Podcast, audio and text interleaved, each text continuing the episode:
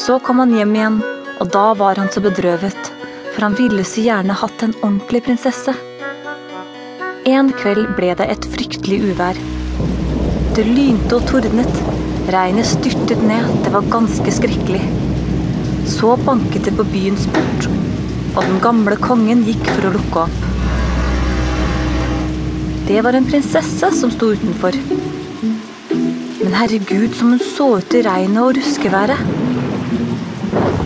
Vannet silte av håret og klærne. Og det rant inn av skotuppen og ut av hælen. Og så sa hun at hun var en ordentlig prinsesse. Ja, det skal vi nok få greie på, tenkte den gamle dronningen. Men hun sa ikke noe. Hun gikk inn i soveværelset, tok ut alle sengeklærne og la en ert på bunnen av sengen. Så tok hun 20 madrasser, la den ovenpå erten,